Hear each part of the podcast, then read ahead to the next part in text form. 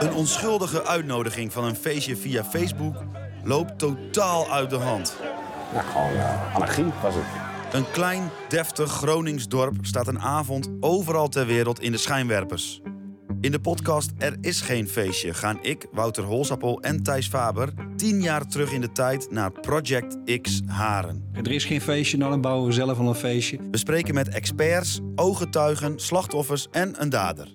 Ik heb wel mensen de stuipen op het lijf gejaagd en daar heb ik wel spijt van. Er is geen feestje, te beluisteren in alle podcast-apps.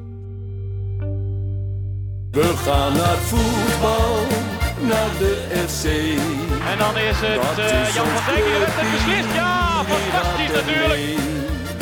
Is tegen Ajax of bij een oor. Roestak en het is 2-0.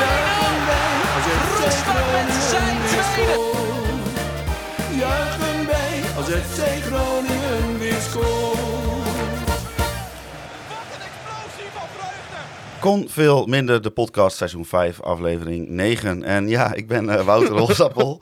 Tegenover mij zit uh, Thijs Faber. Dag Thijs. Goeiedag. Ik ga eerst even de, hoe heet het, de, de administratie doen. Oh, je gaat nieuwe, niet eerst vertellen waarom jij presenteert. We hebben een nieuwe petje affers, die wil ik eerst bedanken. Ja, heel Dat graag. is het belangrijkste. Dat is namelijk uh, Peter Mulman, Thijs en Oop Gaans. Welkom bij de groep. Hartstikke leuk. Ik zit hier uh, te presenteren. uh, jij zit hier tegenover mij. Ja. er zit daar, staat daar een stoel. Ja, die is leeg. Die is leeg. Ja, want wij hebben natuurlijk tegenwoordig twee presentators. Nou, en de een die, uh, die zit al weer in Hilversum, ja. waar die woont tegenwoordig. En die andere, die, ja, het was de bedoeling dat hij hier was. Dat was de bedoeling, ja. Ja, maar ja, het is nu, we spreken zondagmiddag kwart voor één.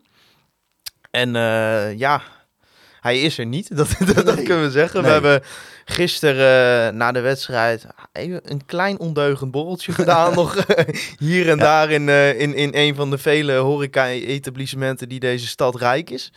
Uh, ik moet zeggen, ik heb mij ook wel eens beter gevoeld.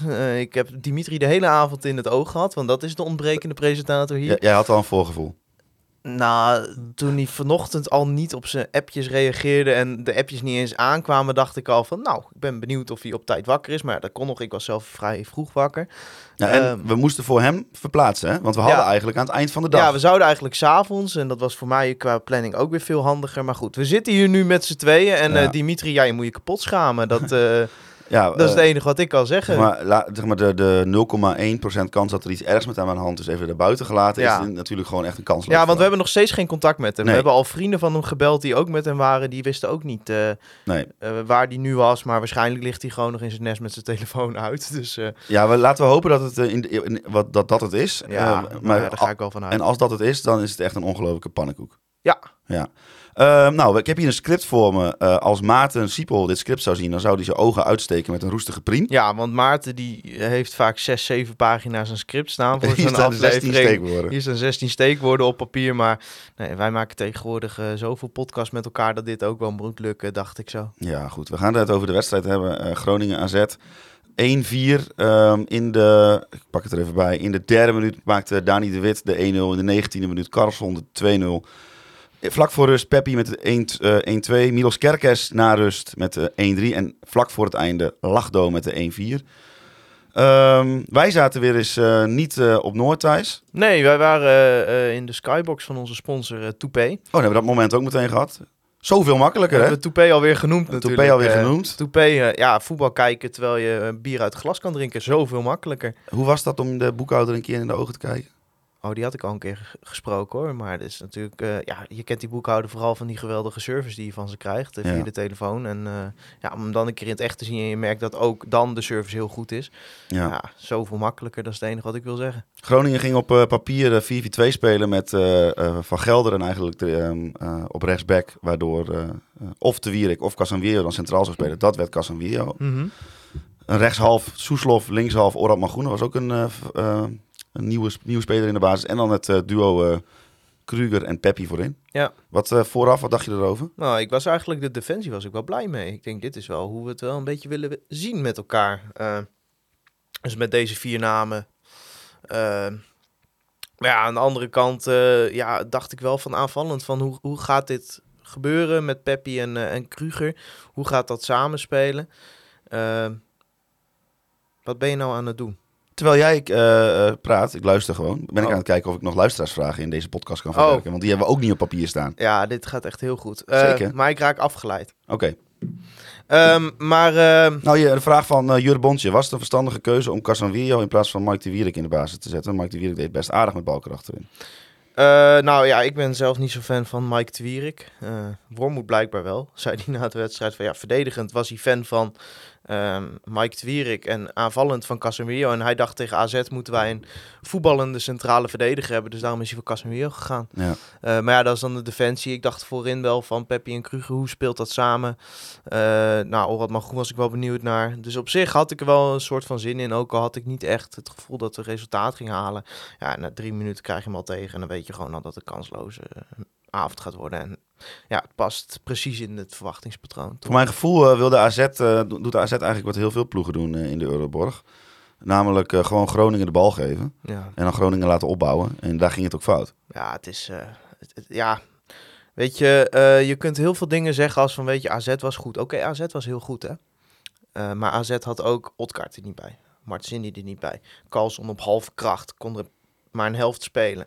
Dani de Wit viel op een gegeven moment in minuut 20 of zo al uit. Ja, een half uurtje. Dat zijn gewoon hele belangrijke spelers voor AZ. En alsnog uh, ja, kansloos. En dan hoor je Wormoed na de wedstrijd zeggen... ja, wij moeten ons niet willen meten aan AZ. Dan denk ik, ja, we moeten ons... Ja, oké, je kunt van AZ verliezen. Dat is geen schande. Die staan bovenaan nu met een reden. Hebben nog geen wedstrijd verloren met een reden. Maar zo kansloos eraf. Dat is toch bizar. Hoe keek jij naar eh, die 1-0 dan? Die de fouten die daaraan vooraf Ja, gaan? Kijk, je kunt zeggen individuele fouten doen je, eh, doe je, draai je de nek om uiteindelijk. Maar het, is ook, het heeft ook met communicatie en met afspraken te maken. En net overal weer te laat komen. En, en ja, het, het is gewoon, als je ernaar zit te kijken, dan denk je gewoon... Er is niets in die ploeg waarvan je denkt van, nou ja, dit komt goed. Dit volgende week RKC komt goed. En, en daar zijn individuele fouten dan eh, het voorbeeld van. Maar ja, als je het hebt over individuele fouten, kun je ook zeggen... aan de andere kant heb je maar één kans gekregen... en dat was door de individuele kwaliteit van Peppi en die ging erin. Ja, ook misschien wel een beetje een individu- individuele fout van die verdediger die er zomaar bij gaat Dus liggen. als je ze allemaal tegen elkaar weg gaat krassen, dan verlies je nog steeds kansloos. En het veldspel, ja, het lijkt dan misschien wat. Hè? Je hebt misschien het gevoel van, oh, het is voetballend wel beter. Maar dat had er vooral mee te maken dat we de bal wat meer hadden. En dat was gewoon omdat AZ fucking slim deed. Die dachten gewoon van, nou, geef Groningen de bal maar. Eh, Je, je, je hebt eigenlijk geen idee waar je naar zit te kijken. En dat is heel raar. En dan hoor je Wormoed... Nou, ik ben weer alle onderwerpen van ons uh, Sumire script door elkaar aan het gooien. Maar dan hoor je na de wedstrijd zeggen van... Ja, ehm, we zitten nog aan het begin van het proces. Ja. En ik denk, je bent verdomme zeven weken voorbereiding... Negen weken bezig met uh, de eredivisie nu. Dat zijn bij elkaar 16 weken. Er zijn genoeg teams in de eredivisie die ook heel veel nieuwe spelers erbij hebben gekregen. Waar de hiërarchie van het elfte ook is veranderd. Hoezo hebben die het dan wel voor elkaar en doet Wormoed alsof dit gisteren onze eerste oefenwedstrijd was? Dat je zegt van ja, het was niet goed, maar ja, we zijn net begonnen. Dat doet hij. Maar het is speelronde 9. Er zijn nog 27 punten uh, te halen geweest. Ja, hij, hij doet, wat ik heel raar vond, ik heb, we hebben denk ik vooral, uh, als je dat nou niet gekeken hebt, want daar gaan we het wel een paar keer over hebben, denk ik. Uh, ja. Zet even de po podcast op pauze, ga even dat interview kijken met uh, Wormoed en Daniel Taylor op de YouTube-pagina van Oog. Dat is geen reclame. Toevallig verder. ook jouw werkgever. Toevallig ook mijn werkgever. Maar nee, maar dit is Daniel, echt, Daniel heeft echt gewoon, een bijzonder interview. Ja, en Daniel, ik vind Daniel een zeer kundig uh, vragen stellen. Ja, hij blijft heel kalm onder de, onder, onder, zeg maar, hij reageert goed op de antwoorden. Ja. In ieder geval, um, hij, de, hij deed een beetje, ja, misschien is het ook wel zo, maar hij deed een beetje alsof alles wat voor hem geweest is bij FC Groningen, ook onder Vladeris, alsof dat niet bestaat. Hij doet echt alsof Ja. zijn komst een soort nulpunt is. Dat iedereen die toen bij FC Groningen speelde, uh, dat de spieren nog, uh, nog aan moesten groeien. Ja. ja, terwijl gisteren ga je kijken, van de veldspelers zijn er tien, waren er vijf nieuw. Maar ook vijf die vorig jaar ook al hier speelden. En dan hebben we uh, ook nog spelers die erin komen die hier al langer spelen. En ik vind het ook. Kijk, ik snap wel dat een, een verandering van spelwijze wel tijd nodig heeft. Maar eh, ja, wat jij zegt, hij doet net alsof deze club sinds deze zomer bestaat. Ja. En deze selectie, dat deze jongens nog nooit gevoetbald hebben. Ja, en, maar ja, weet je, uh, we kunnen het heel erg over Wormoed hebben. En, en hij is er ook schuldig aan. Maar ja, je ziet toch. Uh, elke week gaat het op een andere plek mis. In het veld. Ja. Dan zeggen we weer het lag aan het middenveld. Dan zeggen we weer het lag aan de verdediging. Dan zeggen we weer het lag aan de aanval. over, Maar het heeft er gewoon mee te maken dat deze selectie niet in balans is. nou, over uh, Te Wierik en uh, wat eh, eh, natuurlijk een, een hot topic was. Oh, hier, er is iemand wakker. Ja, gaan we eerst nog maar even verder. Maar Ja. Dimitri is wakker. Dimitri is wakker. Over Casanviejo en Wierik zei hij ook tegen Daniel in het interview van... ja, iedereen roept om Casanviejo. Dan zet ik hem er neer en dan is de Ja. weer niet goed genoeg. Ja, maar dat interview met Daniel. Kijk, aan de ene kant denk ik van het is, eh, het is mooi, het is open, het is kwetsbaar. Hij zegt ook best wel verstandige dingen. En heel veel dingen die hij benoemt zijn terecht en vooral te wijten aan Mark-Jan Vladeres. Maar het, het, het is wel dat ik denk van ja, maar ik zit nu als supporter niet te wachten op een trainer die een interview geeft alsof hij het ook niet weet hoe dit moet goedkomen. Want ja, dan vraagt Daniel hem als laatste vraag van ja, wanneer denk je dat eh, dit team eh, eh, gaat spelen zoals jij het wil? En dan zegt hij nou, ik hoop dat in de tweede seizoen zelf dat het beter gaat. Dan denk ik ja, waar zijn we nou mee bezig? Nou, gelukkig is dat wel al over vijf wedstrijden. Ja, nou ja. Wat gewoon het hele probleem is, en dat is met iedereen rondom die club zo, op het moment dat er wordt gevraagd naar over de korte termijn, over van waarom zijn we zo slecht begonnen, wordt altijd naar de lange termijn gewezen. Wordt Ja. altijd gezegd, ja, maar we willen over drie jaar op de grote markt staan. Dan zegt Wormut in dat interview, ja, ik ben aangesteld om over drie maanden op de of over drie jaar op de grote markt te staan. En eh, we zijn nu twee maanden bezig. Dat ik denk, ja, maar dit seizoen duurt niet drie jaar. Dus ja, dan kun je wel En, zeggen, en ja, sowieso zijn ze niet Ja. twee maanden bezig, want dat, dat, dat plan dat- duurt al twee jaar. Ja, Ja, dat plan is al een tijdje En Oké, bezig. maar Wormoed is hier nu twee maanden mee bezig. Wormoed is de protégé van Vladeris. Vladeris heeft zijn trainers. Vladeris heeft zijn selectie. Je zou nu kunnen zeggen, dit is het moment dat je kan gaan kijken naar... eh, volledig kan kijken Maar naar het functioneren van het aankoopbeleid van Mark en Maar dat Vladeris. dachten wij, dat hebben wij toch ook eigenlijk gezegd. In de, helemaal in de aanloop naar de, het aanstellen van Wormoed zeiden we tegen elkaar van... nou, dan zal Vladeris hem ook het materiaal gaan geven... eh, waarmee hij eh, het spel kan spelen wat hij wil spelen. Ja. Nou, na negen wedstrijden kunnen we zeggen dat dat zo is. Nou, Wormoed gooit gisteren gewoon in dat interview wederom de doelstelling de prullenbak in. Ja. En wat mij dan... wat Want ik- hij zegt, ja, ik ben niet aangesteld om dit seizoen op de grote markt te staan, maar over drie jaar op de grote markt. Maar de doelstelling is play-offs halen en als we de play-offs halen, winnen. Maar als je zegt, nou, we staan dit jaar niet op de grote markt, ja, dan doe je niet alsof van, nou, we halen de play-offs nog wel even. En Nee. de doelstelling moet je ook allemaal weer niet groot maken. hè. Dat is ook gewoon Vladeris die even weer populair moet doen aan het begin van het seizoen.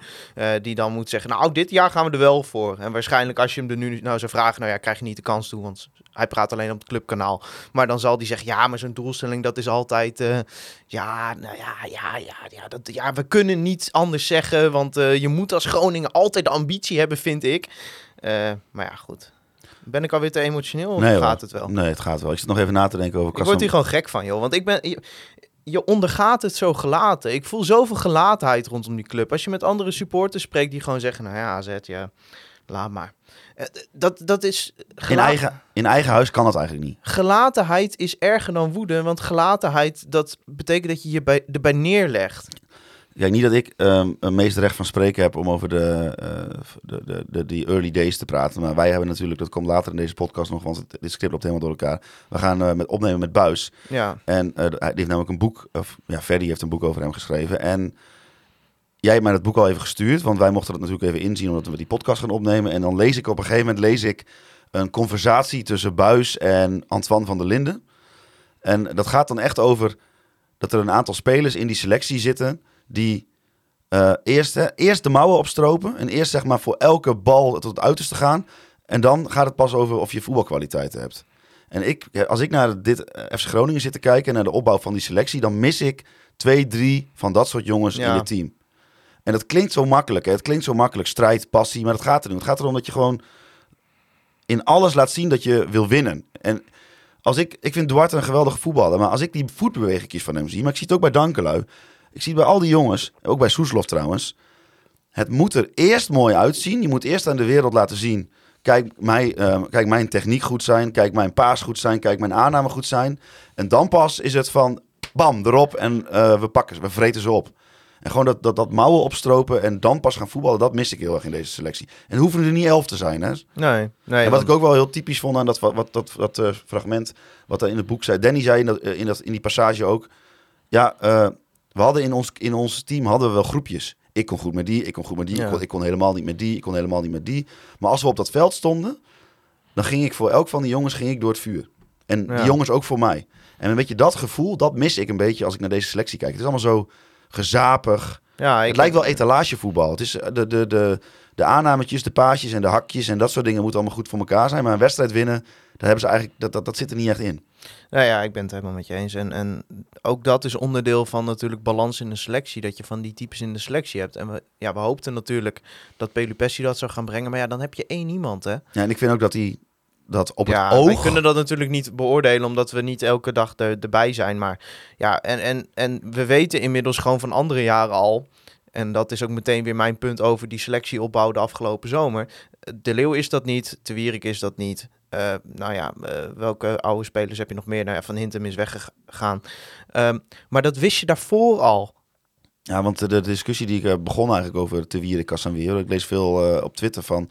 Zie je nou wel, iedereen heeft veel kritiek op Te Wierik, maar het is wel gewoon een goede verdediger. Ja, ja, vind ik ook niet. Maar ja, kijk, dat Casemiro gisteren een aantal keer te laat was, dat, dat klopt. Maar ja, dat is ook weer Casemiro die zo'n bal op Peppi geeft, hè. Dus ik snap wel dat hij voor Casemiro gaat. En, en ik zeg niet dat Casemiro goed in vorm is, maar ik denk gewoon, ja, waarom zou je dan nu voor de veiligheid van Te Wierik kiezen, terwijl je iemand in de ploeg hebt die als hij gewoon zijn niveau van vorig seizoen haalt, gewoon je allerbeste centrale verdediger is. Ja, ik vind hem toch wel iets uh, uh, fijner spelen met uh, twee centrale verdedigers. Of met drie centrale ja, verdedigers. dat is wel, dat is wel waar. Maar ja, Want ook, je zag ook bij de vierde goal, hè. Eigenlijk had je toen maar één centrale verdediger. Ja. Alleen Balker. Ja, want, die hoge bal, ja. die plukt die, die spelen van AZ trouwens waanzinnig uit de lucht. Ja, maar AZ was heel goed, hè. Laten we dat Ja, vooropstellen. klopt. Ondanks dat die een aantal spelers hadden die ontbraken, hun, hun spelplan klopt perfect en, en dat voerden ze goed uit. Maar ik kijk gewoon meer naar de structurele problemen die we al eerder bij Groningen hebben gezien. En ik zie de ontwikkeling niet. En kijk, Wormoed kan dan zeggen, ik zie de ontwikkeling wel. En, en, en weet je, het, het is niet wedstrijd 9 hè, dat het zo slecht gaat. Het is wedstrijd 16 dat het zo slecht gaat. Want we hebben die van vorig seizoen, hebben de laatste zeven kansloos verloren. Op een uitzondering ja. hier, hier en daarna. Maar dat betekent niet dat je dat helemaal wist. Want de, de grote kern van die selectie is gewoon nog hetzelfde. Ja. Dus ja, ja weet je, uh, wat ik zeg, het, het, het, is gewoon gelaatheid als je er naar zit te kijken. Het is, um, je hebt gewoon het gevoel dat, en, en dat is wel misschien de enige hoopvolle boodschap. Ik denk dus dat met twee, drie gerichte aankopen, ik heb dat al eerder gezegd, en dan is echt goedkoop een keer duurkoop, ga maar investeren, het geld is er. Als je dat als je als technisch directeur en als scouting wat waard bent, dan krijg je dat voor elkaar. Want ik denk serieus, met twee, drie goede aankopen, kan deze selectie zo een hele goede tweede seizoen zelf spelen. Daar heb ik alle vertrouwen in. Maar momenteel ben je gewoon een van de slechtste ploegen van Nederland. Want ja, ja zo grillig is het allemaal wel. Ik denk uh, gevoelsmatig, ik weet niet hoe jij daar dan in staat, maar ik heb het gevoel dat er naast Radinho Balker een wat uh, 30-plusser centrale verdediger moet gaan staan die uh, rust bewaart, die kalm is, die leiding kan geven. Hè? Want Ja. je, je, je hoeft niet alleen maar... Sommige 30-plussers kunnen ook geen leiding geven. Ik, ik weet niet, maar ik heb het gevoel dat dat mist. Want ik vind Balken, vond gisteren Balken weer als een van de weinigen Ja, waanzinnig. ja nou ja, hij, hij, nou, waanzinnig, hij was goed. Oké, ja, klopt. Maar hij, hij, hij laat zien dat hij een waanzinnige verdediger Ja. is. Hij speelde gewoon prima. Maar, maar ik denk dat hij mist nog naast iemand, iemand die kalmte heeft, Ja, heeft, maar die rust heeft. Ga naar het aankoopbeleid sinds Mark Vladeris is aangesteld. Die halen we niet. Nee. En de spelers die wel in dat profiel passen, die zijn gehaald omdat Danny Buis dat wilde. Michael de Leeuw is echt zo'n zo'n transfer die Danny Buis graag wilde. Want die vond ook dat dit soort types ontbraken. Nou, heeft hij zich in Michael de Leeuw denk ik een klein beetje vergist uiteindelijk... qua wat zijn leidersrol in het veld dat komt ook omdat hij niet meer zo goed genoeg was natuurlijk. Dat helpt ook niet. Maar Ja. ja, nee, ja ik ben het wel met je eens. En, en ik ben altijd de eerste die zegt goed genoeg is oud genoeg. Maar je moet ook naar het collectief kijken. Want ik ben er nog steeds van overtuigd dat individueel dit best wel een goede selectie is. Ja. Maar de selectie als geheel is gewoon op dit moment eh, ja, ver onder de maat. En, en als dat nou iets was wat je op de laatste transferdag is overkomen, zoals vorig jaar, dan kun je dat nog zeggen. Hè? Van het is ook moeilijk om nog zes spelers aan te trekken. Maar je wist het, verdorie, aan het begin van de zomer, op dag 1, 14 juni 2022, de presentatie van, Frank Wormoed met daarna de eerste training, wist je dit al, dat dit eraan zat te komen. En je wist ook al wat de status van het team was daarvoor. Maar op basis van de sfeer rondom de club toen, ze dachten gewoon, we hebben het probleem opgelost, want Danny Buis is weg. Nou ja, dan kom je bedrogen uit. Want Ja. Wormoed kan ook niet toveren. En die maakt genoeg fouten hoor, Wormoed. Maar Wormoed is niet het grootste probleem. Nee. En het we- grootste probleem is Mark-Jan Vladeris deze zomer geweest. De manier waarop hij deze selectie heeft samengesteld. Dus hij heeft financieel de club weer tip-top in orde gemaakt. Maar hij heeft het sportief eh, ja, wel heel veel schade laten leiden. Ik denk toch ook dat veel mensen zeggen, Thijs, eh, nou, maar er zaten toch best wel fases in dat je zag dat er ineens dat er wel aandrang was Ja. naar het doel. Wat vind jij daarvan?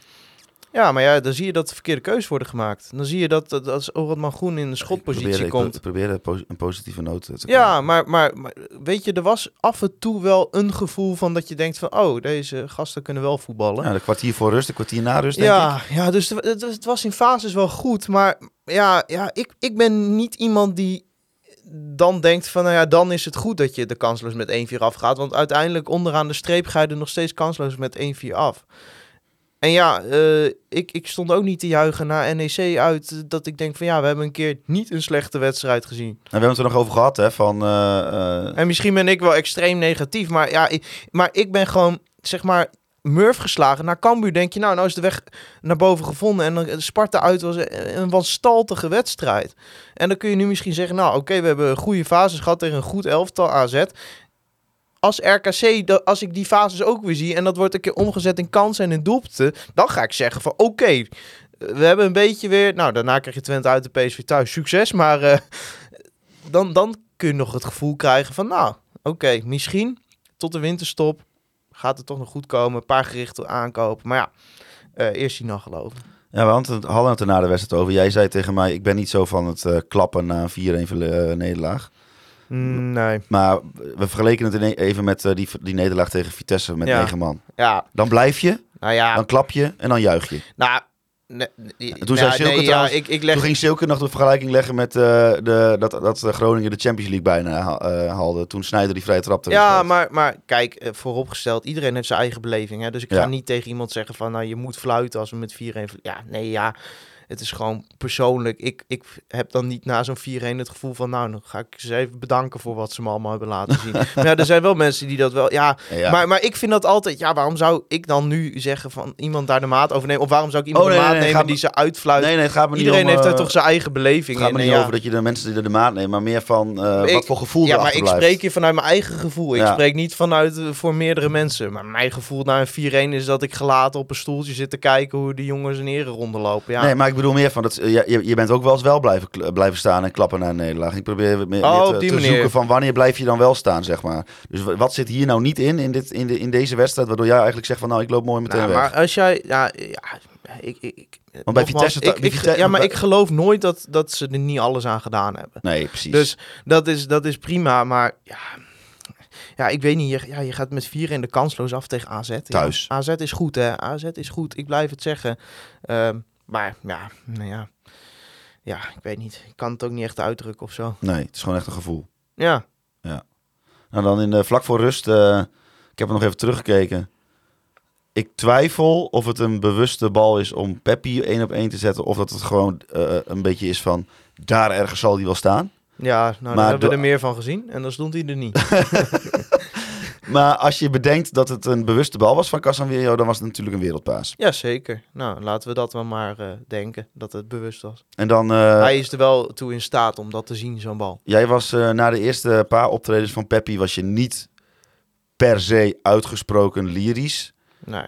Wat vond je van deze manier van afmaken? Nou, niet uitgesproken lyrisch. Ja, ik ik, probeer- ik, ik moest het gewoon nog even zien. ja. Ja, Dus ik vond het als aanspeelpunt. Ik vond hem aan de bal niet geweldig. Maar ja, je ziet gewoon dat deze gozer ontegenzeggelijk kwaliteiten heeft. En dat hij op individuele klasse doorzettingsvermogen en gewoon enorme doelgerichtheid deze goal maakt. En dat is precies het profiel wat ze zochten. Precies het profiel wat ze gevonden hebben. Ja, het is jammer dat hij niet zo vaak in stelling wordt gebracht. Ik heb wel het gevoel dat dit een spits is die ongelooflijk veel doelpunten kan maken als hij daartoe in staat wordt gesteld. Ik zag ook Nou, als dat- je gaat kijken, hij heeft nu twee kansen gehad. Die heeft hij er allebei ingeschoten. Ja, en ik zag ook al wel een klein beetje, eh, meende ik te zien, dat die twee, Florian eh, Kruger en Ricardo Peppi, elkaar wel aan de bal ook een beetje opzoeken. Ik vind wel dat die Kruger wat harde voeten heeft. Een niet? slechte aanname. bedoel je? Ja, ik, ik, ik vind zijn basistechniek niet, eh niet weergeloos, zeg maar. Nee, nou, ik, ik, ik, ik, heb natuurlijk dat verleden met dat ik voor zo'n club uit Amsterdam was. Ik, ik heb gekregen een beetje Victor Fischer vibes bij hem. Nou, die heeft het op zich nog best ver Ja, oké, maar op een ander niveau misschien. Maar meer van, eh, hij, loopt daar, hij loopt overal. Hij probeert Ja. overal zich te bemoeien met het aanvalspel. Dat is denk ik bij FC Groningen Nou ja, wel handig. Want Wat zijn, zei, ze zijn allebei nog niet fit. nee, dat zag je op een gegeven moment. Zag je dat. Was er een aanval aan de linkerkant waar eh, Meta eh, een keer wel doorkwam. En toen gaf, wou hij een voorzet geven. En volgens mij, ik denk als je het beeld terugkijkt, staat er letterlijk niemand in de 16. Ja, Niemand. En dan moet die bal weer terug. ja. Ja, maar ja, ja, eh, wat ik zei, we begonnen ook ineens best wel, ook zelfs nog na die 1-0 en die 2-0, best wel een aantal kansen op kansen, zeg maar. Dat je de bal met best wel een overtal best wel in de buurt van het doel van AZ hebt. En dan wordt gewoon elke keer de verkeerde keuze gemaakt. Ja, en gewoon in, de, jammer. in de tweede helft kwam ook eh Cyril Ngonge erin. Ja. Ehm, even kijken, even kijken hoe laat dat... eh, hoe laat? Nou, hoe lang Hoe laat? dat? Nou, dat was eh, na 63 minuten ging, kwam hij erin voor Orland Magroen. En ik zei op een gegeven moment tegen eh, Dimitri, die naast mij zat, na 20 minuten... Oh ja, de Gonge speelt ook mee.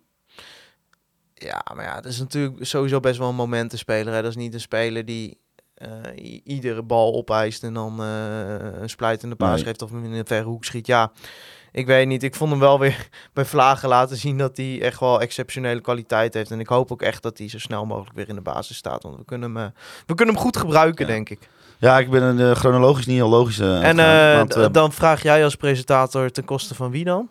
ten koste van wie dan? Ja, ik denk toch Soeslof. Ja, ik weet niet wat jouw gevoel bij Soeslof is, maar ja, ik denk dat hij, ik, ik denk dat hij, dat het Soeslof goed zou doen als hij even een paar wedstrijden op de bank zit. Ik heb wel een gevoel. Ehm, ik denk dat het goed is voor Soeslof als eh Laros Duarte eh, misschien een paar wedstrijden op de bank zit. En dat hij daar gaat staan. Ja, dat zou ook kunnen. Want ik heb... Hij had wel zo'n tackle op een gegeven moment, Soeslof, dat je Ja. ineens weer denkt, dat, dat, dat zoek je wel. Ja, Nou, of ik denk ja, even- je gaat denk gewoon- misschien zelfs voor Pelupessi. Kan ook, maar ik denk even dat je... s- kijk, Soeslof wil heel graag de aanvallend ingestelde speler zijn die het verschil maakt aanvallend. Nou, dat zien we gewoon de laatste weken. Dat is lastig in een slecht draaiend elftal. Dat lukt hem gewoon niet zo goed. Nou ja, dat, goed, dat kan gebeuren. Wat is, dan, wat is zijn basis? Zijn basis is dat hij dat giftige heeft en dat hij dat eh, beuken, rausen, knallen. En ik denk dat FC Groningen dat wel even nodig heeft in, in de as. Ja. In plaats van een speler die constant eh, zijn, nou ja, letterlijk zijn draai probeert te vinden. Want Duarte probeert tijd constant weg te draaien Ja. van iedereen. En dat lukt gewoon niet de hele tijd. Ja, Dus ja dat is ook jammer dat, dat goed, hij zo wat- wegvalt in zijn vorm, want het is zo'n goede voetbal. Maar wij zitten hier nu ook weer als twee eh eh voetbalprofessoren te zoeken naar wat anders. Maar dit, dit elftal is alweer compleet anders dan twee weken geleden en drie weken geleden en Ja. vier weken geleden. Het is echt elke week, week staat het Ja, anders. Wormoed is zo zoekende nog. hij, heeft geen, hij heeft geen idee. Geen idee. En dat, En die spelen zelf ook niet. en, en eh, dat uit hij ook in dat interview met Daniel. Ja, ja, maar op een gegeven moment... Er was bij ons eh jong uit Zwolle mee. En die was ook mee in de scout. Die zei op een gegeven moment... In welke formatie spelen jullie? Toen- nou, wij, wij hadden een perfect zicht. En we zaten achter de kamer van ESPN. Ja. En eh, ja, dan ga je kijken en dan denk je... Ja, eh, je ziet wel ongeveer hoe ze het willen neerzetten. Maar zo vaak dat ze... Dat ze daar, ze zijn er helemaal niet consistent in. Nee, Je hebt soms echt het gevoel dat hij gewoon elf namen op papier zet en jongens gaan maar ergens staan of zo. ja. Ja, Had hij ook nog een blessure natuurlijk met Ja, Van maar Gelderen. Dat is, dat is, maar dit is wel schokkend hoor, want om even terug te komen op wat hier nou allemaal de oorsprong van is. Ja, je, die trainer die haal je, want je wil op een bepaalde manier gaan spelen. Dan heb je een hele zomer met een hele grote selectie om de ploeg aan te gaan passen op die tactiek. Om spelers aan te kopen op die tactiek. En als je, we hebben nu acht wedstrijden, negen wedstrijden Negen. gespeeld. En we hebben volgens mij negen keer in een andere opstelling gespeeld. Of in een andere formatie, of met een andere eh, speelinstelling. En het zijn er acht trouwens. Nou, dan doen, maken we er acht van. Je vergeet er nog wel eens een. Ja. Maar dat is toch bizar? Maar, maar ik snap dan niet wat dan het idee van al die aankopen is geweest deze, deze zomer, weet je wel.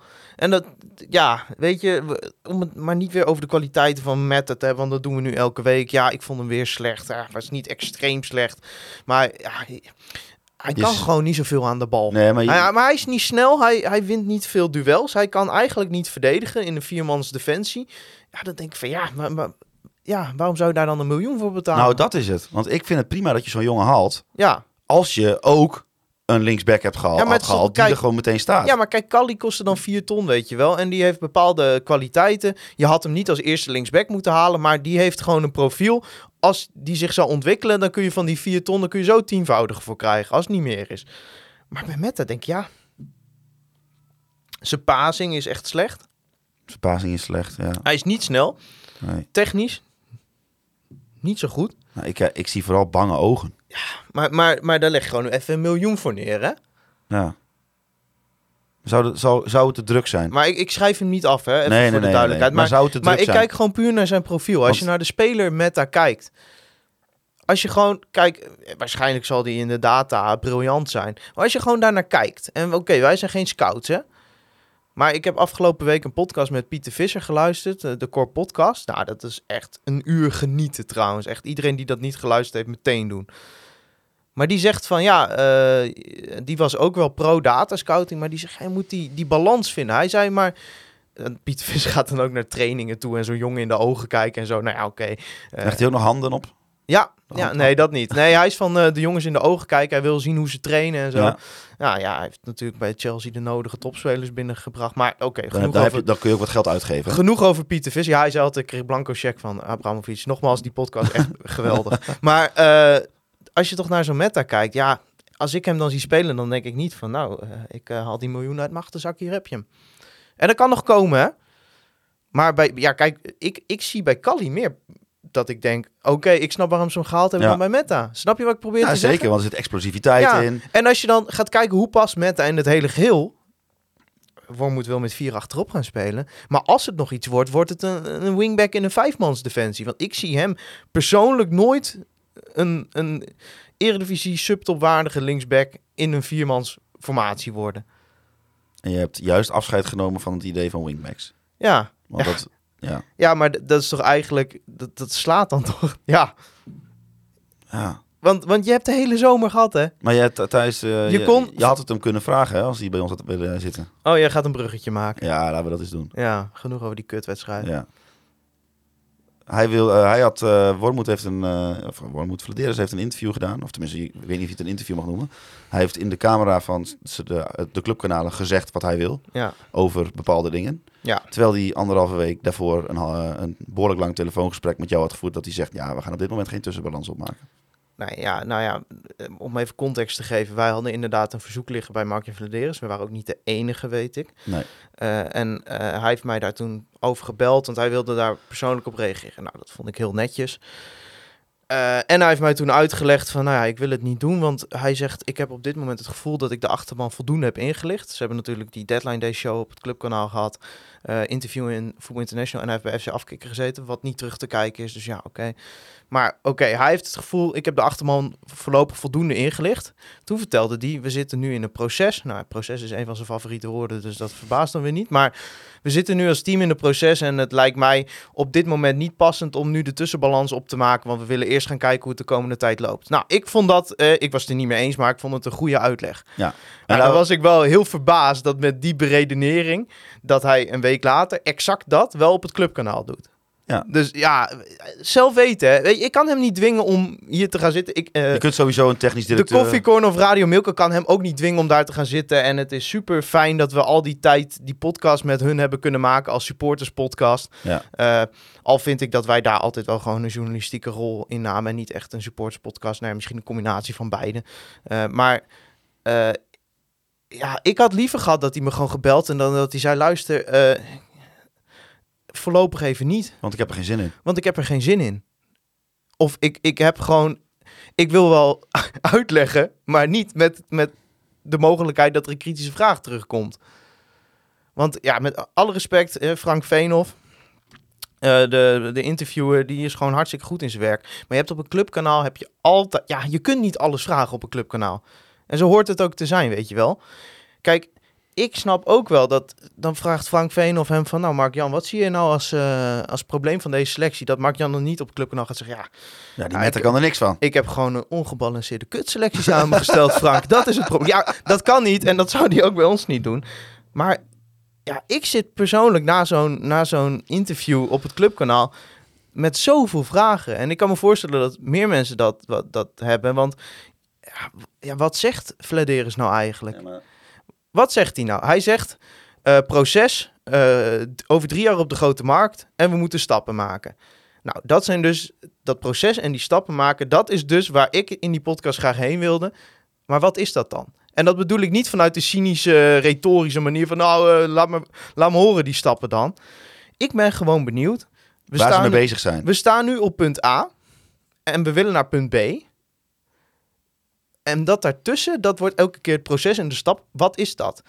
Want elke keer als ze zeggen van, nou, waarom eh, halen we geen betere spelers? Dan zegt hij, ja, we wilden Odkaart halen, maar die was te duur. En dan denk ik, ja, maar wat gaan jullie dan doen om wel die volgende stap te maken? Want met alle respect, maar op dit moment zijn Kruger, Meta en, en eh, nou ja, Peppi, oké, laat Peppi maar even zitten, want dat is een seizoen, zijn niet de volgende stapspelers Nee. op dit moment. Want de volgende stap moet zijn dat wij structureel in de subtop gaan meespelen. En ik snap wel dat het allemaal niet zo makkelijk is als het is, maar ja, ik denk niet dat je met deze spelers die minimaal misschien wel drie kwart jaar nodig hebben om aan het niveau te wennen, dat, dat je dat kan. Maar ik vind wat, dit, wat hier nu gebeurt, zeg maar, kijk, ik begrijp heel goed dat FC Groningen zegt, weet je, zo'n zo'n zo'n podcast van eh, een paar gasten die eh, elke wedstrijd straalbezopen op Noord staan, daar gaat onze technisch directeur eh, niet aan Nou, ik vind trouwens niet dat wij onze podcast zo maken. Klopt, maar ik, We zijn het wel, Ik maar bij de podcast zijn we altijd ik nuchter. en, chargeer eh, even. volgens om- mij, ja, dat is raar om over jezelf te zeggen, maar ik vind ons altijd goed voorbereid. Ik ook, maar behalve vandaag. Behalve vandaag. maar nee, maar stel wij maken een Oh interview ja, met Mark-Jan. Vladeris, dan... dan Maarten Siepel vindt interviews van Vladeris terug die hij zelf vergeten is. Nou, en ik zit ook dan gewoon drie dagen alle VI-artikelen van de afgelopen vier jaar te Maar wat ik er Dus- inderdaad bijzonder aan vind... Kijk, zij hebben echt wel het recht om te zeggen... daar gaan we niet aanschuiven. Maar ja, ik denk ook niet trouwens dat dit liegen is. Ik denk dat dit gewoon eh, eh, eh, een veranderende situatie is. Kennelijk heeft iemand anders binnen de club tegen hem gezegd... ja, maar nu moet je even op beeld vertellen over hoe het ervoor staat. Want, als hij, want zelf is, is, is hij daar kennelijk niet mee bezig. Is mijn inschatting. Of zou hij zelf gezegd hebben van... Ik heb vorige week al ik, die, ik eh, denk, al die ik podcast denk afge- niet dat een statutair directeur zich kan laten opleggen om in de camera iets te vertellen als hem dat niet, als, hem, als hij daar geen zin in heeft. Nee, oké, maar hij kiest er dus wel voor om tegen ons te met, de, met de argumenten te zeggen dat hij iets niet wil. Ja. En vervolgens is een week, een week later zijn die argumenten zijn er niet meer en dan vertelt hij alles wel. Nee, maar ja, dat heeft er gewoon mee te maken dat je op het clubkanaal Ja. geen kritische vragen krijgt. Precies, en wat, Ja. wat, mij, dat, wat, mij, wat, En- mij, en wat als- mij dat dus en zegt, als is dat de club wil vooral bepalen wat de supporter weet. Ja, Want nou dat, journalisten ja, maar dat worden- klinkt heel zwaar, maar... Ja, maar eh, journalisten worden niet, eh, de telefoon wordt niet opgenomen op deadline day, maar we- Nee. kan, hij kan wel in een, eh, in een, eh, in een transfer deadline show zitten. Ja, nou ja, we komen weer op dit grijze gebied. We hebben het er vaker over gehad. Ja, zij hebben in principe aan niemand verantwoording af te leggen. Ja, nee, dat klopt wel. Maar je kunt Op wel papier, in hè? een breder perspectief bekijken dat, kijk, omdat ze, zij de journalistiek geen antwoorden geven, gaan niet mensen hun seizoenkaart niet verlengen. Maar eh, eh, ze, ze, het is wel onderdeel van wat je als club zeg maar uitstraalt, wat je bent en ook je binding naar je mensen toe. En dat Ja. kan uiteindelijk Nou ja, laten we vooropstellen, er zijn een heleboel clubs die dit doen, hè, die dit hanteren. Zeker. Maar ja, wat, ja, ik, soms, ja, soms dan ga je ook wel nadenken van toen dat beleidsplan kwam. Toen hebben ze ons benaderd van hier. Hier zijn allemaal mensen van de club. Willen jullie vier podcasts maken over dat beleidsplan? Want we willen dat graag ook eh, via jullie presenteren. En dan vind ik het jammer dat dat de andere kant op niet werkt. Dat als wij dan een keer met vragen zitten die voor mijn gevoel heel relevant zijn. Ja. En waar ik helemaal niet met de insteek zit om eh Mark-Jan in een kwaad daglicht te stellen of wat dan ook. Maar gewoon hem ook de kans te geven om, om, ja, om, om Misschien de moeite en uit te leggen. nou ja, de kans geven, dat klinkt dan alsof Ja. hij vereerd moet zijn dat we hem uitnodigen. Dat, zou eerder andersom zijn. Maar dat, dat, ja, ik weet niet. Dat is hoe wij het eh, ja, sinds 2018 doen. En eh, ja, als ze dat niet bevalt, dan hoor ik het ook graag. Als ze zeggen, er komt nooit meer iemand van de club. Ja, be my guest. Ja, wij redden ons wel. Ja. Maar ik vind het gewoon jammer dat het, eh, dat het dan... Dat Nou, ik vind het jammer dat het niet eerlijk, het niet eerlijk verhaal. Maar goed, het gaat nu heel lang over ons. Maar ik, wat het, het onderliggende vind ik, als we het niet naar ons kijken, vind ik... Want hij gaat ook niet bij Noord in de podcast zitten. Hij gaat ook niet bij Radio Milko in de podcast zitten. En dat vind ik eigenlijk wel... eh, ik, ik vind het... Nou, ja, nou laat ik het gewoon zo zeggen. Ik vind het een kwalijke zaak dat je alleen maar via het clubkanaal communiceert. Ja. En eh, ik weet ook niet of zij zich beseffen wat een clubkanaal, zeg maar, wat, wat voor signaal je daarmee afgeeft. Want op een gegeven moment krijg je ook te maken met het imago van... wij praten alleen maar via het clubkanaal, want wij hebben geen zin in kritische vragen. En misschien is dat helemaal niet de waarheid, maar dat is wel het imago dat je ja, krijgt. precies. Dus het verschil tussen imago en de wa- Ja, werkelijkheid. en mensen worden wekelijks teleurgesteld door die gasten op het veld. Die hebben helemaal geen zin in een technisch directeur die het over drie jaar heeft. We, we hebben toch nu gewoon zin dat we een keer horen waarom het, waarom het op dit moment kut gaat. En als je dan zegt, ja, we zitten in een proces en we moeten op drie jaar op de grote markt zijn, we moeten stappen maken. Ja, daar schiet niemand iets mee op. Een ander interview eh, waar we toch even over gaan En hebben. om, je kunt er ook voor kiezen om dan bijvoorbeeld niks te zeggen. klopt. Bijvoorbeeld geen interview op het clubkanaal te doen waarin je niks zegt. Ja, nee, ik ben met je eens. ik, ik, vind het ook helemaal geen rare keuze om als technisch directeur twee, drie maanden te zeggen: ik, doe, Nou, even, ik doe even niks. Dat heb ik toch ook gezegd. Ik vind dat helemaal niet gek. Nee, maar dan, en dan een week later toch wel iets doen, Ja. dat is raar. Ja, dat is en dan waar. zeker als je. Het is gewoon raar als je, als je ons en anderen, want dat weet ik, dat weet ik gewoon van hun, dat, dat hij hun hetzelfde antwoord heeft gegeven als ons. Ja, Volgens mij zeg ik heel veel persoonlijk voornaamwoorden verkeerd in deze zin. Maar eh, eh, ja, ik vind, dat, ja, ik vind het gewoon niet, eh, niet bij, een, bij een zogenoemde volksclub passen. Er is ook wat gedoe over het eh topsportzorgcentrum. Ja, Ehm, ja, heel kort gezegd, eh, het, het heeft een beetje twee delen, Thijs. Ik, ik, ik, ik, ga, het niet helemaal uitleggen. Ik ben wel van plan om eh, ook namens mijn eh, werkgever Oog eh, hier dus eventjes een keer wat dieper in te duiken. Omdat ik merk dat het, ik vind het nogal eenzijdig het nieuws er allemaal over. Het gaat over het Topsportzorgcentrum. Daar is al sinds vorig jaar gezeik over, want de andere organisaties die daarin zaten, die vonden eigenlijk dat Groningen een te grote vinger in de pap heeft in dat gebouw. Is, het gebouw is bedoeld om topsport en eh breedte sport. sport, maar ook, weet je wel, fysio-achtige organisaties om het allemaal te mengen. En nou ja, kennelijk loopt dat allemaal niet zo soepel, want FC Groningen die heeft besloten van eh, om dit pand een beetje goed gebru- te gebruiken, willen we gewoon een- eigenlijk het hele pand overnemen. ja. En daar heb je eigenlijk twee discussies in, namelijk een inhoudelijke discussie. Is dat het beste eh, om dat pand rendabel te maken? ja. En je hebt een ideale, idealistische discussie, want de politiek zegt nee, we hebben ooit geld als gemeente in dat pand gestopt, juist om die, eh, dat, ra- dat ratje toe van verschillende eh, kanten zeg maar, eh, te stimuleren. ja, en daar een belangrijke toevoeging aan. Ja, dat is ook het verhaal waarmee het toenmalige bestuur de financiering erdoor heeft gekregen bij de Ja. gemeente. Dus dat is ook het verhaal wat het bestuur van toen, dat is een ander bestuur dan het bestuur wat er bij Groningen nu zit, Ja. heeft dat verhaal van de breedte sport en voor Donar en voor Nick de korfbal en de Lycurgus, dat het daar ook voor bedoeld is. En Eh, dus met dat verhaal is de financiering voor dat gebouw rondgekomen. Ehm, het is trouwens eh, gewoon onderdeel van de Euroborg NV. Ja. Dus het, de, de gemeente, maar ja, eh, daar is de gemeente de enige daar is aandeelhouder de gemeente de van, enige dus- aandeelhouder van. Eh, ik denk niet dat ik het zeg maar in deze podcast helemaal duidelijk uit, uit ga leggen. Maar ik, zoals ik al zei, ik ga dat proberen om daar eh, eens een keer wat in te duiken. En eens een keer wat mensen te spreken die, dat, eh, die daar echt Ja. in zitten. Maar het komt er in ieder geval op, nu op neer dat... Nou ja, het, het dagblad die heeft dan een artikel geschreven waarin ze Ja. FC Groningen rupsje nooit Dat was echt een broddelwerkje, dat artikel. Ja, maar dat is dus de grap, Thijs. En daarom zeg ik, er zijn twee verhalen. Die kant focust zich heel erg op de politieke eh, keuzes die daarover zijn Ja. gemaakt. En eh, welke krachten daar dan bij komen die die politieke keuzes Ja. beïnvloeden. Maar, Maar er is niet alleen maar een politieke kant, er is ook een inhoudelijke kant. nou, en een pragmatische een kant. pragmatische kant. Want eh, om het even duidelijk uit te leggen, FC Groningen is hoofdhuurder van dat gebouw. ja, Eh, dat kost best wel heel veel geld. Volgens mij is het 7 ton per jaar. volgens mij ook zoiets, ja. Dat betaalt FC Groningen aan huur voor dat gebouw. Nou, FC Groningen is tevens de enige sportclub in de stad Groningen die het budget heeft om die huur op te hoesten. Dus in dat artikel wordt op een gegeven moment, volgens mij is het Jalte Haan van het CDA, Ja. eh, gequote. Die zegt, ja, misschien moet FC Groningen maar weg. Dan denk ik, nou, dan heb je straks daar dat eh spuuglelijke pand langs de A7 staan zonder een huurder erin. Ja. Eh, ja, de, de- en er wordt dan een beetje zo'n beeld geschetst van FC Groningen is rupsje nooit genoeg. Die willen al die velden daar hebben. En er is natuurlijk, nou goed, we kunnen daar een podcast over maken. Er is op Corpus genoeg met die amateurclubs gebeurd. Eh, wat het ook wel rechtvaardigt dat die houding tegen FC Groningen een beetje bestaat. Dus laat dat ook de andere kant van de medaille zijn. Eh, maar ja, als je gewoon heel pragmatisch bekijkt, is het natuurlijk volkomen logisch dat FC Groningen dit gebouw helemaal tot haar beschikking wil hebben. FC Groningen betaalt klauwen met geld. Heeft een aantal eh, fracties van dat gebouw in leven moeten houden met hun eigen geld. Bijvoorbeeld het restaurant, dat hebben ze uiteindelijk maar gekocht. Ehm, en FC Groningen wil als topsportorganisatie eh, ja, nog professioneler worden. En daarbij hoort bij dat je zo'n gebouw in eigen beheer hebt. Maar aan de andere kant heb je de belangen van de gemeentes. Of van de gemeente, het is één gemeente. Ja. eh, die gewoon wil dat een donor en daar een Nick en een Lycurgus ook gewoon gebruik maken van Er zit een politiek idee achter. En, het, en het lijkt erop, en daar ga ik dus persoonlijk eh, voor mijn werk, is het mijn idee om daar een beetje in te duiken, om te kijken hoe dat nou precies zit.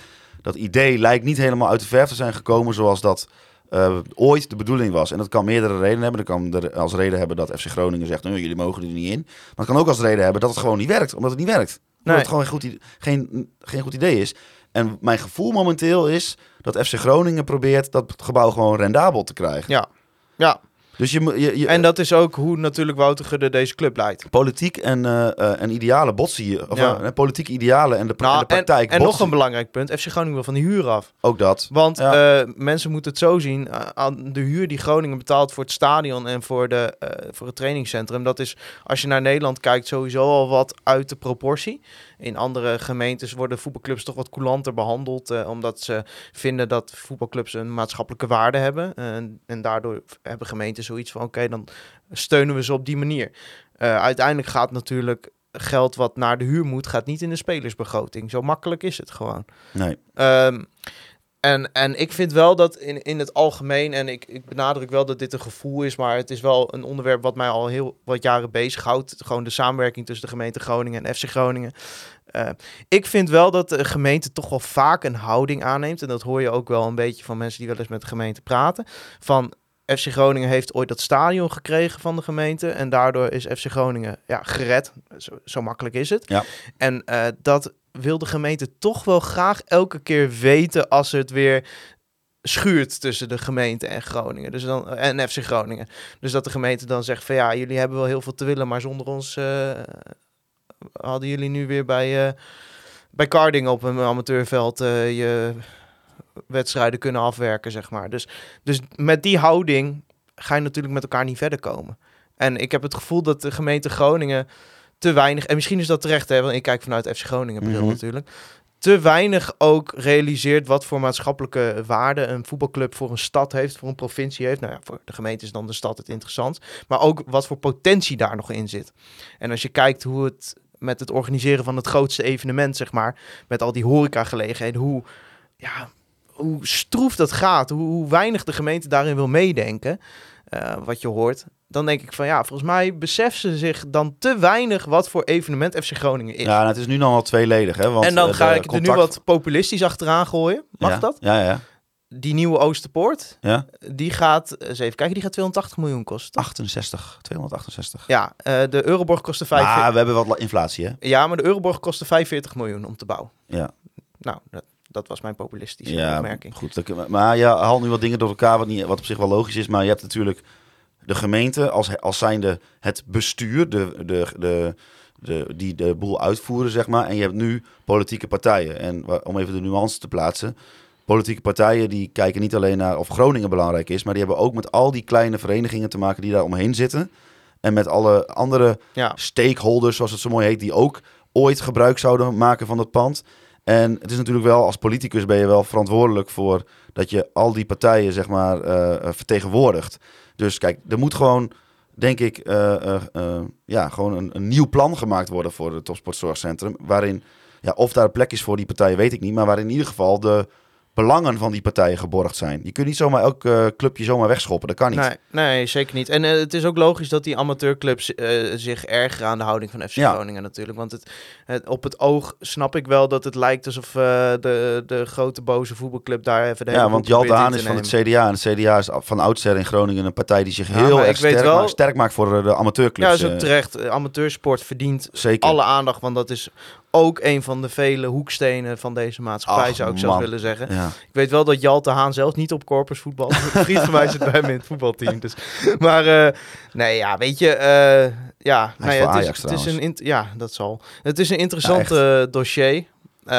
Het is denk ik wel een heel saai podcastonderwerp. Zullen we Dimitri even bellen? Kan, ja? Oh, je hebt je telefoon eraan, toch? ja, ja, ja, ja. Nou, hij weet niet dat we bellen, maar Ja, dat komt wel goed. Wacht, ik zal hem eens even bellen. Contacten.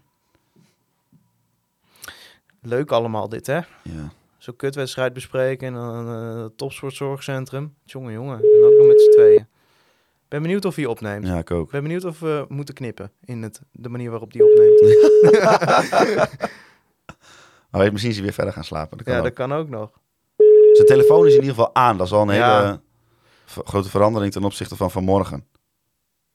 Hij gaat niet opnemen. Misschien staat hij even onder de douche. Hij heeft echt een slechte dag vandaag. Ja, Nou, hij heeft echt een slechte dag vandaag, ja. Druk maar weg. Oké, ik zal hem weg. Mensen hebben dit niet aangeklikt om 10 minuten naar een piep te luisteren. Nee. Ehm, Thijs, wij gaan even naar het eh, online Retail Company moment van de week.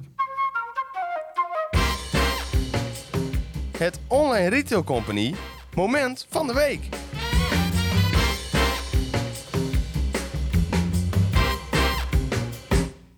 Ja, want in het eh, Online Retail Company Moment van de Week bespreken wij het Moment van de Week. Gesponsord door onze grote vrienden van de Online Retail Company. Thijs, Ja, in, in tijden dat FC Groningen bar en boos is, is het toch fijn dat er licht aan het einde van de tunnel is. Namelijk een bedrijf wat gewoon 15 gespecialiseerde webshops aanbiedt. nou, ja, ik kan... eh, Ja, ik heb de tranen in de ogen staan. Ja, ik zie het, ja. Ja. ja. Je wordt er bijna emotioneel van. ja, en het zwembadseizoen is natuurlijk voorbij, maar ja. Er zijn nog veel meer, joh. Je moet er ook weer die tuin in. Ja, Last van. Al die ratten in je tuin. Ja, en met de huidige eh, gasprijzen is een elektrisch kacheltje ook niet gek. nou, de elektriciteitsprijzen zijn ook niet altijd wel... eh, Nou, maar die zijn keer drie gegaan en de gasprijs een keer acht. Ja, dus eh, tel uit je winst. En als je dat dan ook nog zeer voordelig kan bestellen. Je wordt nou- gebeld door Dimitri. Oh, gebeld. Maar in ieder geval... Maar we dat gaat ons online retail company moment Nee, van de Ja, dat is goed. Voordat je iets zegt, Dimitri, je zit in de podcastopname. Nou hoor ik hem natuurlijk weer niet. Hi. Kan ik het ook via de... Oh, wacht, ik moet het even zo doen. Ja, hi Dimitri, nu hoor je mij, hè? Hoor je mij nu wel? Ja, ja, Ja. ik hoor jou heel goed. Hoor jij, Thijs, dat jij, hoor jij hem ook goed? Ja, Ja, Vertel even. ja, nou, de buurt gemaakt in de Warhol met eh, een paar mensen. En toen dacht ik daarna, ik eh, zet wat wekkers. En Toen had ik vannacht niet meer door dat mijn eh, telefoon eh 4% of zo was. Dus die was naast mijn hoofd eh, uitgevallen. ja ik kan Dus ging, iets... dus, ging, dus ging die niet af. Ik, eh, ik, eh, ja, ik, ik merk gewoon een gebrek aan basisgedrag bij jou. Ja, ja, sorry, ik pas momenteel goed bij de selectie. Ja, ja. ja, ja, ja. Eh, ja, Dimitri, dan rest mij nog te vragen, eh, wat ga je hier aan doen? ja. Volgende keer mijn telefoon in de lade leggen. Lijkt me op zich een goed, eh, goed Wil je nog begin. iets tegen de luisteraars zeggen die nu naar een van de meest chaotische podcasts ooit hebben moeten luisteren? Ja, excuus voor... Hoe lang zijn jullie aan het opnemen? Bijna een uur. Meer dan een uur ook? Ja.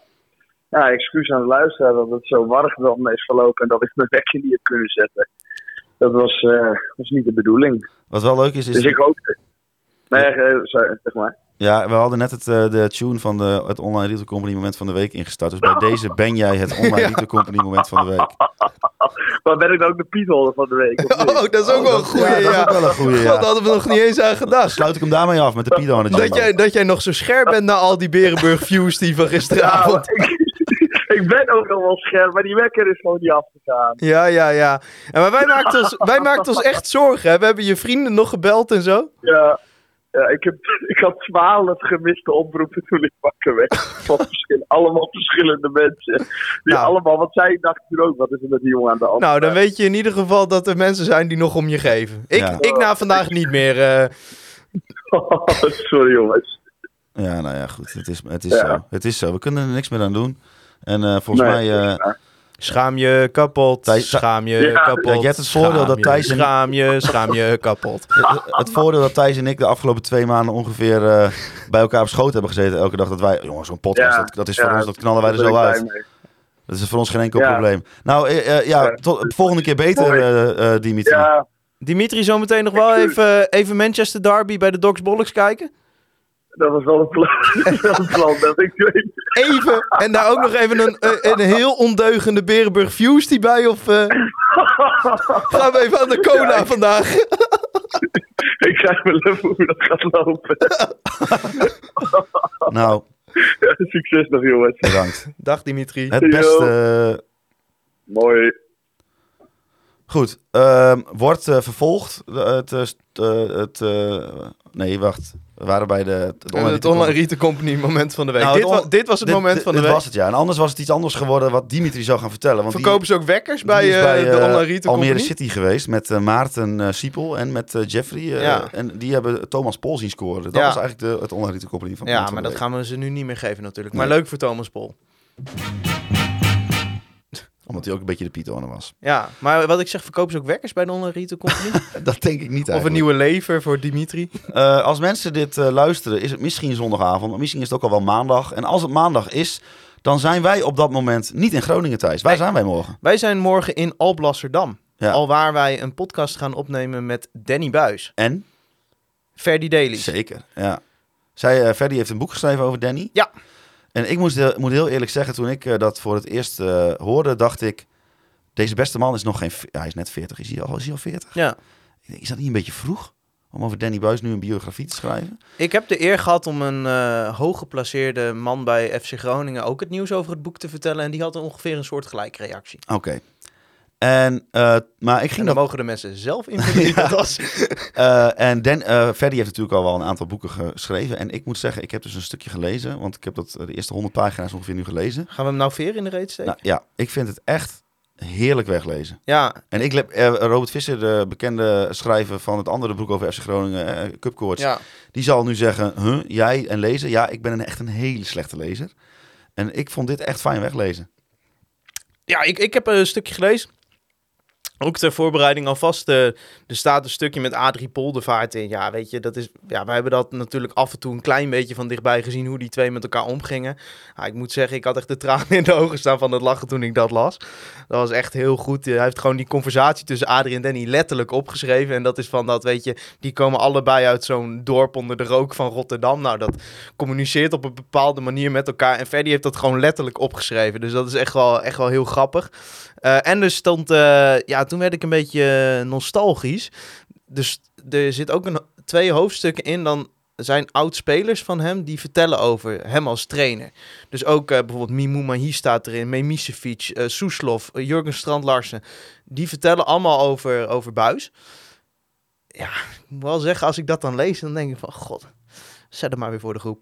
dat is dat eerste wat je denkt. En dat is natuurlijk eh, on- onzin en, en, en onderbuikgevoel. Maar ik moet wel zeggen dat ik gisteravond na een paar Berenburg views die wel dacht van... eh, ik mis, Bring hem, ik mis hem eigenlijk wel. Ja, nou, ik zeg niet dat we hem weer terug moeten. Maar af en toe weet je... nou, dan... Ja, ja ik...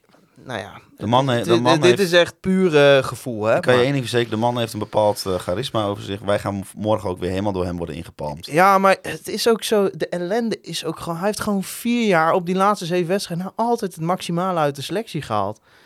En elke week dat wij weer denken. waar zitten we in godsnaam naar te kijken. krijgt hij ze gelijk. Ja. Want er was bij Danny Buis altijd een ondergrens. Ja, god, het wordt nu echt nostalgisch gelul. Maar in ieder geval. Eh, er was een ondergrens. En eh, ik heb het gevoel dat we daar nu vaker onder zijn gegaan. dan vier jaar Danny Buis. Maar maar wij gaan er morgen heen. Eh, Gaat dat luisteren? ja, Hij is gewoon voor iedereen te beluisteren. Ja, maar niet zeker. voor iedereen te beluisteren is, is de maan met masker. Ja, die nemen we vanavond nog even op. Woensdag een nieuwe aflevering van de Project X podcast. Dus weer, weer vier keer Hols en Thijs deze week. Ja, want da- dat gaan we even als allerlaatste doen. Want ik, ik denk, ik dacht ook te halverwege de podcast, waarom hebben we dat niet even, even ook niet benoemd. Maar je hoorde dus als teaser voor Ja. deze podcast onze, onze teaser ja, Ja. van Project X. Wij hebben eh, met z'n tweeën de afgelopen 2,5 maand ongeveer eh, alle vrije uren en alle werkuren die we in ons leven hadden besteed aan het maken van een podcastdocumentaire over Project X. Ja, Eh, in Haren, dat is nu eh, tien jaar geleden. En, de eerste twee de afleveringen eerste staan twee afleveringen staan ervan online. En woensdag aanstaande, het is nu zondag, komt de derde aflevering online. En ja, ik ga niet zeggen dat het goed is, maar er zijn, Wij zijn er eh, heel blij mee. Wij zijn er heel, eh, heel trots op. En dan Ja. eh, ga- maken we graag van dit podium gebruik om eh, te zeggen van eh, gaat dat luisteren of niet. Ja, de bedankjes. Ik wil graag... eh, wie, dit is echt... Dit, dit, dit- Bedankjes. ja, ja, aan het eind doet Thijs, uh, oh ja, de bedankjes. Eh, Andy Zuidema voor en de die foto's. voor de foto's. Toupee en de Online Retail Company voor het sponsoren van deze podcast. B-trip voor het inspreken van de eh, eh, jingle. Ik heb ook een halve James Brown gebruikt. Dus Ja. ook James Brown, uh, Weiland James Brown, eh, de familie ervan, eh, bedankt. Toupee, bedankt voor het eh, voorzien van eh, de Skybox Ja. en al het wat daarbij komt gisteren. Want het was eh, wel lekker dat we gewoon, toen het zo slecht was, even lekker warm binnen zaten. Hè, vrijdag weer gewoon op Noord. Ja. Want het mo- moet niet elke week Oh, dit zijn, moeten maar... we het- moeten we het nog over hebben, over volgende week? eh, oh, RKC? Ja, Ja, goed voetballende ploeg. goed voor de ploeg. Eh, er komt een tegenstander van de week online over Ja, RKC. da- dat wordt de voorbeschouwing op Dat is RKC. alleen voor de mensen die betalen. Kijk, wij, wij zijn altijd een beetje anti-voorbeschouwing. Ja, dat En ja. Maarten, die bereidt er altijd eh, Ja. uitgebreid voor, waar wij hem ook zeer erkentelijk voor zijn. Zeker. Maar nu wij met z'n tweeën zijn, kunnen wij wel een keer de keuze maken om een keer de voorbeschouwing heel kort te houden. nee, maar Maar ik wel RKC, één ding, als- RKC, ik vertel jou, daar gaan wij niet van winnen. Als eh, Groen, ik denk, We moeten wel voorspellen, hè? oh ja, ik denk als Groningen niet weer of verliest van RKC in eigen huis. Ik zeg, ik wil niemand op ideeën brengen, maar ik denk wel dat de sfeer dan wat minder gelaten is dan afgelopen eh, zondag. Dat denk ik ook, Zaterdag. ja. En eh, dan is het gevoel bij mij ook wat minder gelaten. Ja. Maar ik sluit het niet uit, want het is gewoon een goede ploeg. Wat denk je wat het gaat worden? Eh, ik, eh, ik ben bang dat wij met 0-1 gaan verliezen. Ik, ik voorzie een beetje zo'n Vitesse-wedstrijd. Nul kansen. En ik maak me echt zorgen, want RKC is gewoon, en dat is echt rete knap. En die Josef Oosting is ook gewoon heel goed in zijn werk. Eh, ik, ik voorzie gewoon een hele, hele lastige avond tegen RKC. Ik ga toch bij het credo van Consum in de podcast blijven. Dat ik misschien wel denk dat Groningen gaat verliezen. Maar ik voorspel niet dat ze gaan verliezen. Ik, Groningen gaat met eh 2-1 winnen van RKC. Nou, dat is mooi. Nou, dan gaan we nu, eh, ga ik hem nu afsluiten. En die zouden maar bedankt voor de foto's. Toupé en het uh, online. Had je nou verliezen gezegd of winst? Winst. Nee, Oké. winst. Oké.